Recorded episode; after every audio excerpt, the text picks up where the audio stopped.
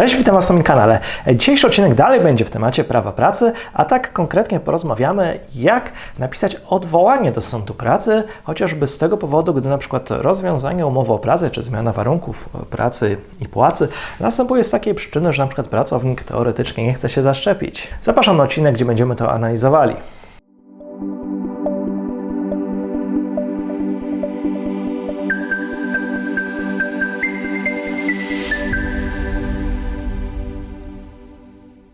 Tak jak wspominałem w poprzednich odcinkach, pracodawca nie jest upoważniony do uzyskiwania informacji na temat tego, czy na przykład pracownik się zaszczepił, czy nie. To są akurat dane, które dotyczą zdrowia pracownika. One są prywatną sprawą każdego z pracowników i pracodawcy tak naprawdę nic do tego nie służy.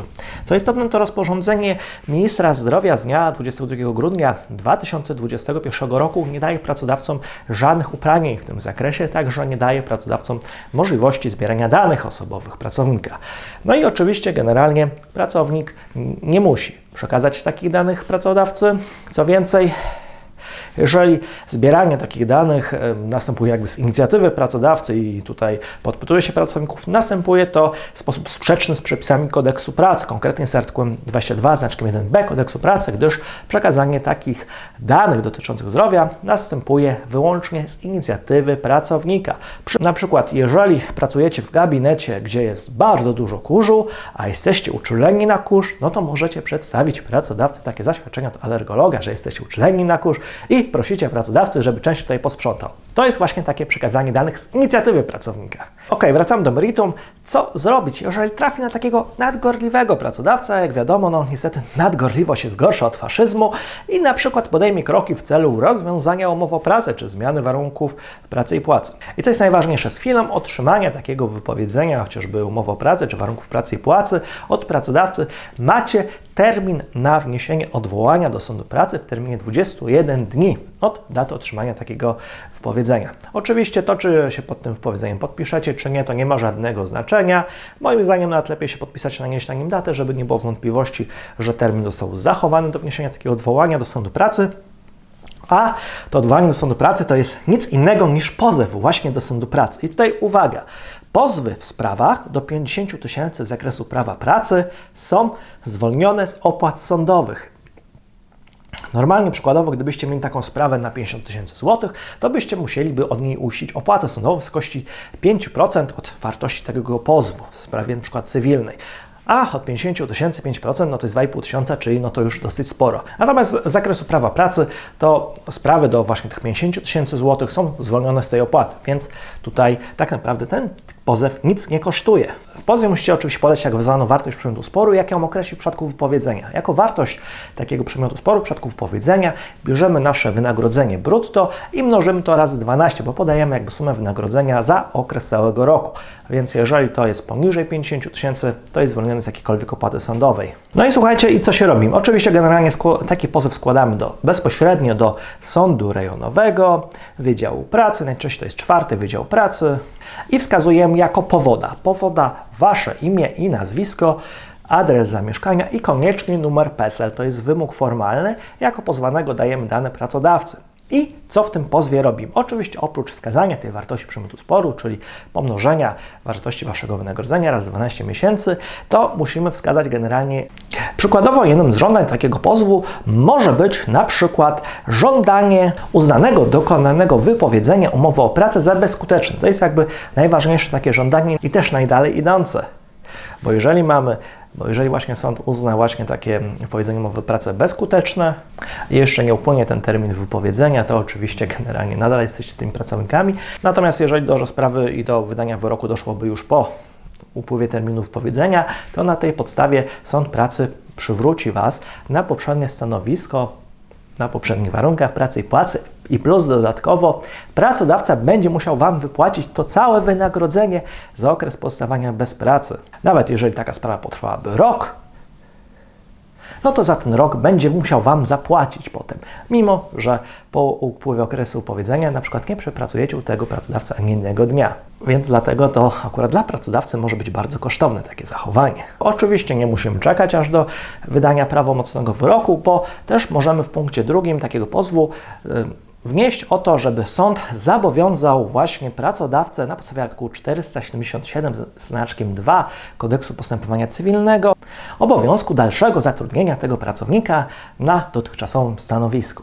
Oczywiście w przypadku, gdy upłynie termin wypowiedzenia, to naszym żądaniem jest wtedy przywrócenie pracownika do pracy na poprzednich warunkach i zasądzenie wynagrodzenia za okres pozostawania bez pracy, zgodnie z przepisami Kodeksu Pracy. Także dodatkowo, jak wskazałem w innych poprzednich materiałów, takie akurat rozwiązania umowy o pracę tylko i wyłącznie dlatego, że e, pracownik nie chce przekazać swoich prywatnych danych, do których nie jest zobowiązany zgodnie z przepisami Kodeksu Pracy. Takie dane, które należy pracodawcy przekazać są określone w artykule 22 znaczkiem 1 Kodeksu Pracy. Nie należą do nich informacji dotyczących chociażby takiego szczepienia. A co istotne, nawet w przypadku wirusowego zapalenia wątroby typu B, nawet pracodawca nie otrzymuje takiej informacji, gdyż on otrzymuje jedynie jakby zaświadczenie od lekarza medycyny pracy, w którym jest jedynie stwierdzenie, że przykład pracownik nie ma przeciwwskazań do pracy na danym stanowisku. I to wszystko. No i tak jak wskazałem w niektórych materiałach, właśnie rozwiązanie umowy o pracę tylko i wyłącznie z tego powodu, to może również nosić znamiona tzw. Tak dyskryminacji pośredniej. W przypadku dyskryminacji na podstawie artykułu 18 znaczkiem 3d Kodeksu Pracy przysługuje Wam dodatkowe odszkodowanie w wysokości nie mniejszej niż minimalne wynagrodzenie za pracę.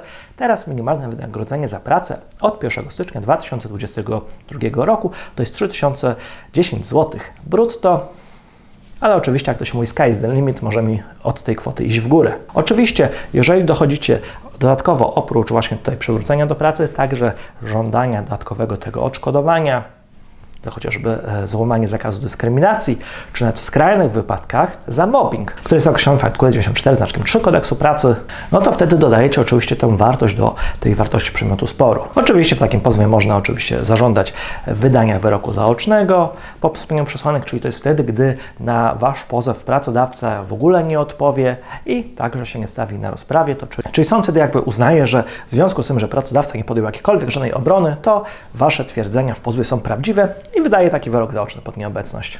Oczywiście jednym z Waszych żądań to może być również rozpoznanie sprawy również pod nieobecność powoda, natomiast w sądzie pracy powinniście się stawić co najmniej raz, chociażby jak wtedy byłoby takie słuchanie informacyjne, na którym, na którym sąd może właśnie się podpytać Was o to, co do okoliczności takiego pozwu, co do właśnie okoliczności związanych z takim pozwem, co do takiego stanu faktycznego, na nie zawsze warto iść. Poza tym także jest wyznaczone takie jakby posiedzenie przygotowawcze, na którym się ustala tak zwany plan rozprawy, więc jeżeli mamy jakichś tam świadków do podania, o których zapomnieliśmy w pozwie, to to jest akurat taki ostatni moment, w którym należałoby sądowi tych świadków zgłosić.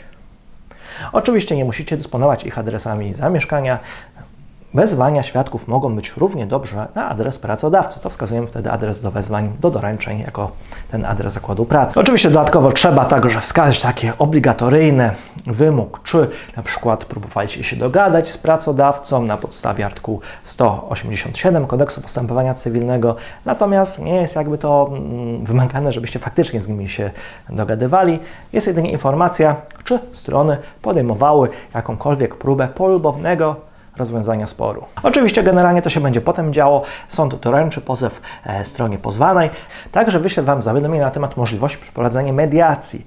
Natomiast mediacje są tylko i wyłącznie wtedy przeprowadzane, gdy obie strony jakby wyrażą na to zgodę. Natomiast szczerze mówiąc, mój stosunek do takich mediacji jest trochę negatywny. Ono jedynie wpływa na przedłużenie takiego postępowania. Zwłaszcza jest w sprawach pracowniczych, gdzie nam zależy na czasie, żeby sąd jak najszybciej wyznaczył termin rozprawy, bo są bardzo duże szanse, że w niektórych miejscowościach sąd właśnie zdąży wyznaczyć termin rozprawy, rozpoznać Waszą sprawę jeszcze przed upływem tego terminu wypowiedzenia. Bardziej to dotyczy takich mniejszych ośrodków miejskich, bo większych akurat niestety się spotkałem z tym, że na taką rozprawę to przyjdziemy poczekać nawet i pół roku czasami, jak nie dłużej.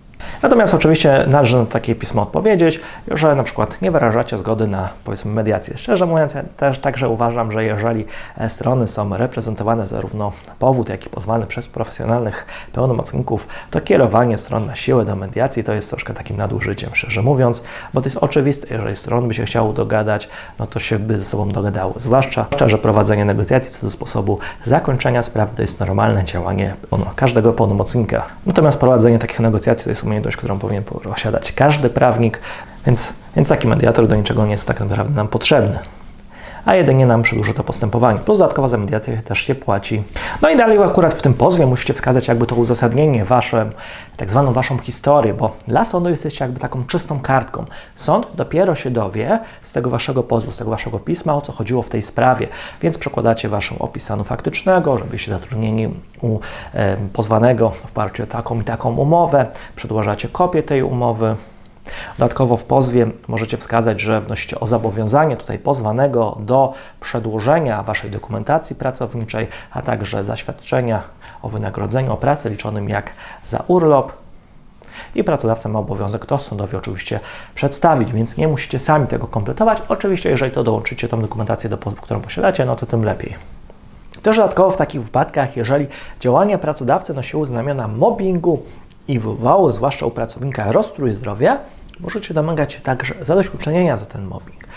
Także z takiej przyczyny możecie rozwiązać umowę o pracę, natomiast warto, żeby na przykład, jeżeli to Wy jesteście tą stroną, która rozwiązuje taką umowę o pracę, znalazło się właśnie takie oświadczenie co do przyczyn rozwiązania takiej umowy, żebyście mogli się potem na to powoływać. W sądzie pracy teoretycznie w ciągu roku można złożyć też takie oświadczenie z artykułu 88 KC, że działaliśmy pod wpływem błędu, w związku z czym dlatego nie złożyliśmy wtedy do tego oświadczenia o rozwiązaniu umowy o pracę z przyczyn mobbingu. No i w ciągu roku złożenia takiego powiedzenia zawsze można złożyć takie dodatkowe takie pisemko. Natomiast w przypadku mobbingu jest to też o tyle istotne, że Odmiennie niż to w przypadku dyskryminacji, gdzie to pracodawca musi udowodnić, że jego zachowanie, jego mm, działania nie nosiły znamion dyskryminacji, to w przypadku właśnie mobbingu sytuacja jest zupełnie odwrotna. To Wy musicie udowodnić, że taki mobbing, ma, że taki mobbing miał miejsce, więc to Wy musicie dostarczyć takie dowody.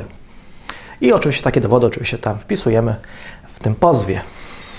Zresztą też mobbing to są już takie bardziej poważne sprawy. Przypominam, że takie uporczywe łamanie praw pracownika to jest przestępstwo, które jest określone w artykule 218 kodeksu karnego, a z tego właśnie artykułu to może odpowiadać właśnie nie tylko powiedzmy pracodawca, jako powiedzmy tam zarząd, członek zarządu, ale także przykładowo taki bezpośredni przełożony, bo tam jest mowa o osobie, która wykonuje uprawnienia. No i cóż, tak skrótowo mniej więcej tyle w tym temacie, a ja tymczasem pozdrawiam.